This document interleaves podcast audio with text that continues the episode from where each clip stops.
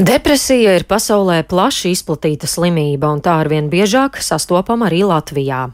Lai terapiju padarītu pieejamāku un paaugstinātu kompensācijas limitu no 75 līdz 100 procentiem, iekļaujot jaunus medikamentus depresijas ārstēšanai, nākamgad Veselības ministrijas budžetā nepieciešams papildu 1 miljonus eiro. Tas nodrošinātu saulēcīgu terapiju tūkstošiem depresijas pacientu Latvijā, tā pauž Latvijas psihiatru asociācija. Lai runātu par šo problēmu, man šorīt studijā pievienojas Rīgas psihiatrijas un narkoloģijas centra ambulatorā centra Veldre vadītājs profesors Māris Taube. Labrīt! Labrīt! Kāpēc šobrīd ir svarīgi aktualizēt depresijas problēmu? Nu, tāpēc, ka laiki, diemžēl, ir tādi ļoti eh, smagi, un uh, arī jau Covid krīze vairāk gadu garumā jau parādīja, un visā pasaules literatūrā, medicīniskajā skaidri un gaiši redzam šobrīd, ka tieši depresija, trauksme, arī kognitīvie traucējumi, bet nu, depresija īpaši, izdegšanas sindroms, posttraumatiskais stresa sindroms pieaug. Un tā bija jau, jau ziņa, kas nāca uh, Covid laikā. Otra problēma, ko ļoti akcentē, kad tās sekas pēc šīm problēmām ir drusku ar tādu nelielu nobīdi. Pievienojās jau tad ziņoja, ka ekonomiskās problēmas pievienosies cilvēkiem, teiksim, darba zaudēšana. Mēs to redzējām Covid laikā, kaut kas nedaudz atjaunojās. Diemžēl nāca tagad vēl karš Ukrainā ar tiešām smagām sakām, jo daudz, daudz cilvēku konkrēti datumu nosauc, kad viņiem palika slikti, gan tiem, kam iepriekš bija izārstēta jau depresija, ja, gan arī jauniem pacientiem.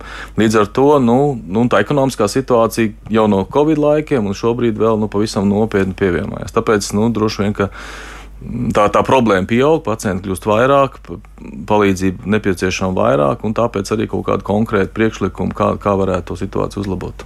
Kā mums vispār līdz šim ir gājis ar uh, depresijas uh, problēmas risināšanu, ārstēšanu un vispār uh, uzmanības pievēršanu šai slimībai? Nu, teiksim tā, pēdējos gados paliek labāk, acīm redzot, cilvēki tomēr vēršas pēc palīdzības, kas ir pozitīvi, ja, jo agrāk tas bija varbūt vairāk stigmatizēts, tagad tas paliek mazāk, jaunā paudze cilvēki īpaši jaunā paudze drošāk par to runā, un, un mēs redzam arī dažādas informatīvas kampaņas, mēs redzam arī teiksim, psiholoģiskās palīdzības iespējas, ko cilvēki aktīvi meklē. Ja?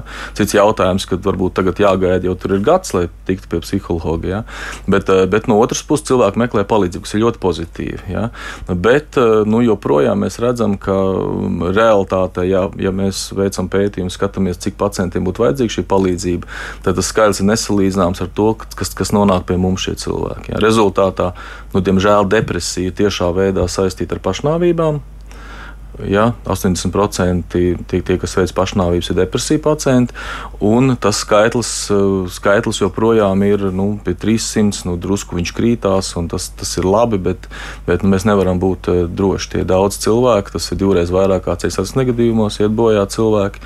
Nu, un te ir iespēja mums kaut kādā veidā ar palīdzību, ar mūsu palīdzību, ar mūsu ārstēšanu, ar mūsu medikamentiem, ar psiholoģiskām palīdzībām izglābt tos cilvēkus. Mm. Vēl pirms mēs pievēršamies jautājumam arī par eh, palīdzības iespējām un medikamentiem, um, arī vēlreiz par šiem problēmu cēloņiem. Mums arī radio ir bijusi ierakstu sērija Zeme, kas dzer, kurā mēs skaidrojam alkoholismu problēmu Latvijā.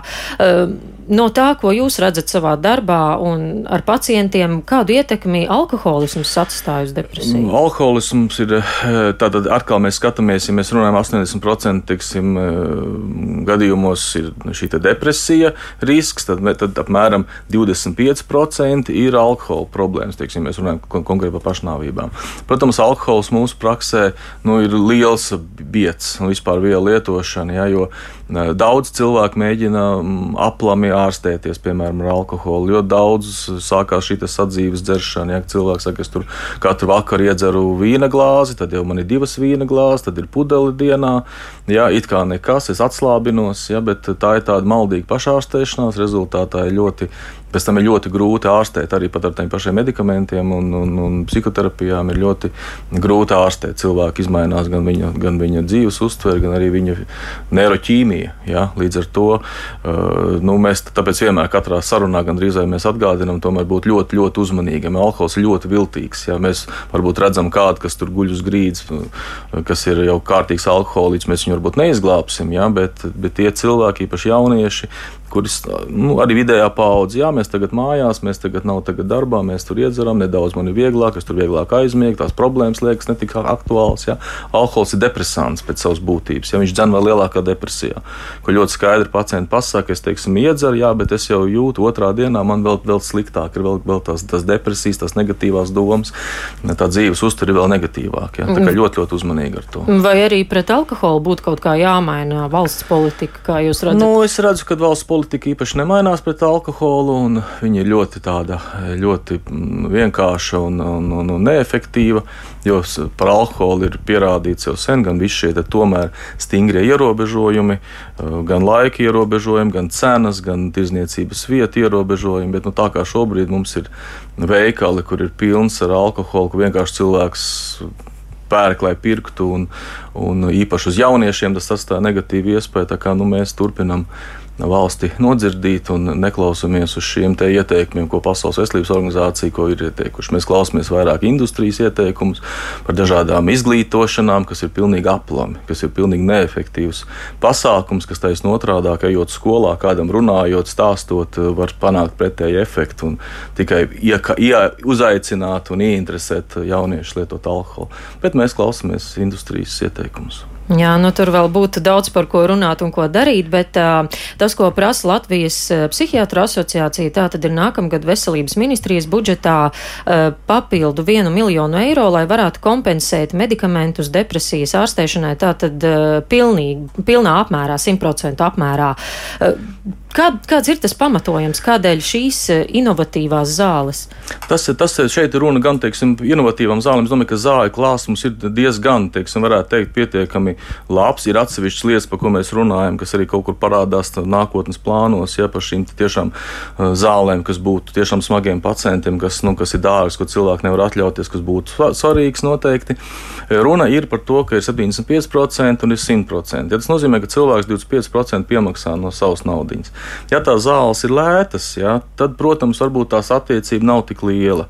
Bet mēs ikdienā redzam to, ka cilvēki tiešām, ja mēs stāvamies priekšā, ka ar psihiatrisko invaliditāti eh, ir teiksim, cilvēki jau ir 20. 7000 ja, cilvēki, kas ir tikai psihiatrisko invaliditāti.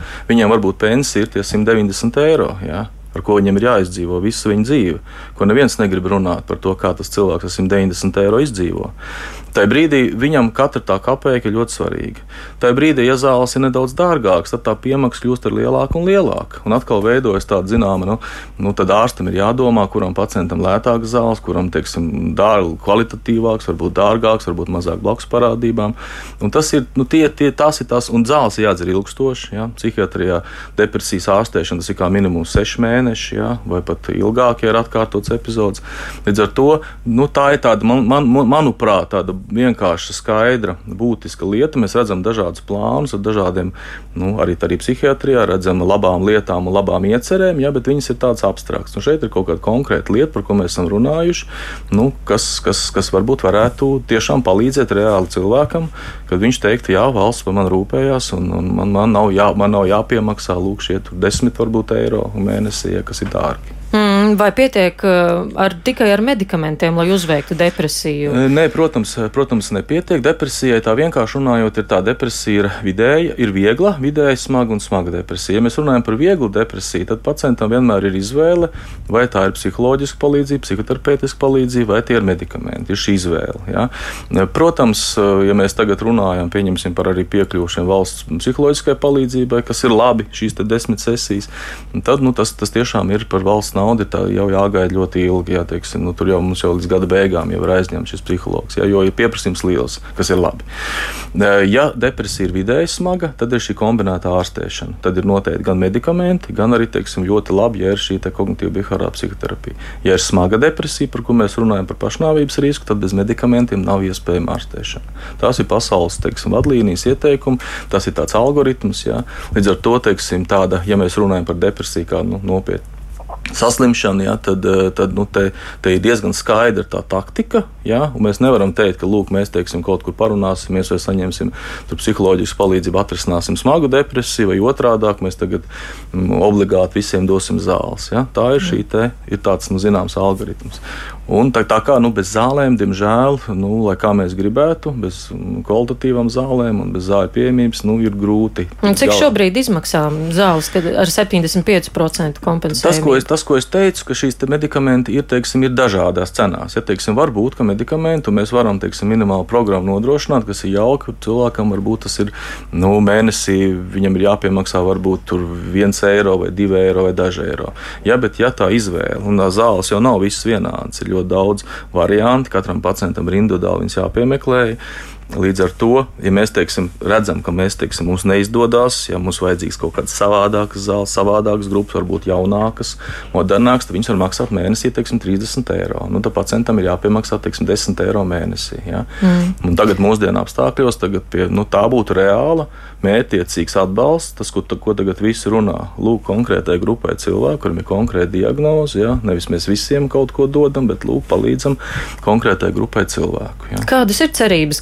Ministrija šo naudu varētu piešķirt? Nu, man ir grūti teikt, ja teiks, mēs esam piedalījušies arī mūsu viedokli, prasījuši, kā asociācijas viedokli, arī izstrādājot šos psihiatrijas attīstības plānus. Tagad ir tieši sabiedriskā apspriešanā ir plāns 2023. un 2024. gadam, tā kā nākamajiem gadiem. Ja?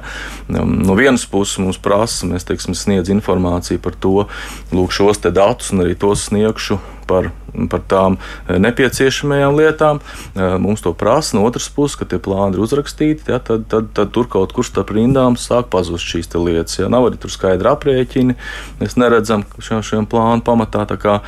Nu, tā, es domāju, ka eh, tā ir, nav, nav pa lieku katru reizi atgādināt to mūsu viedokli, paust. Un, un es ļoti ceru, ka tā ieklausīsies. Es ļoti ceru. Paldies, saku par sarunu šorīt ambulatorā centra veldra vadītājiem profesoram Mārim Taubem.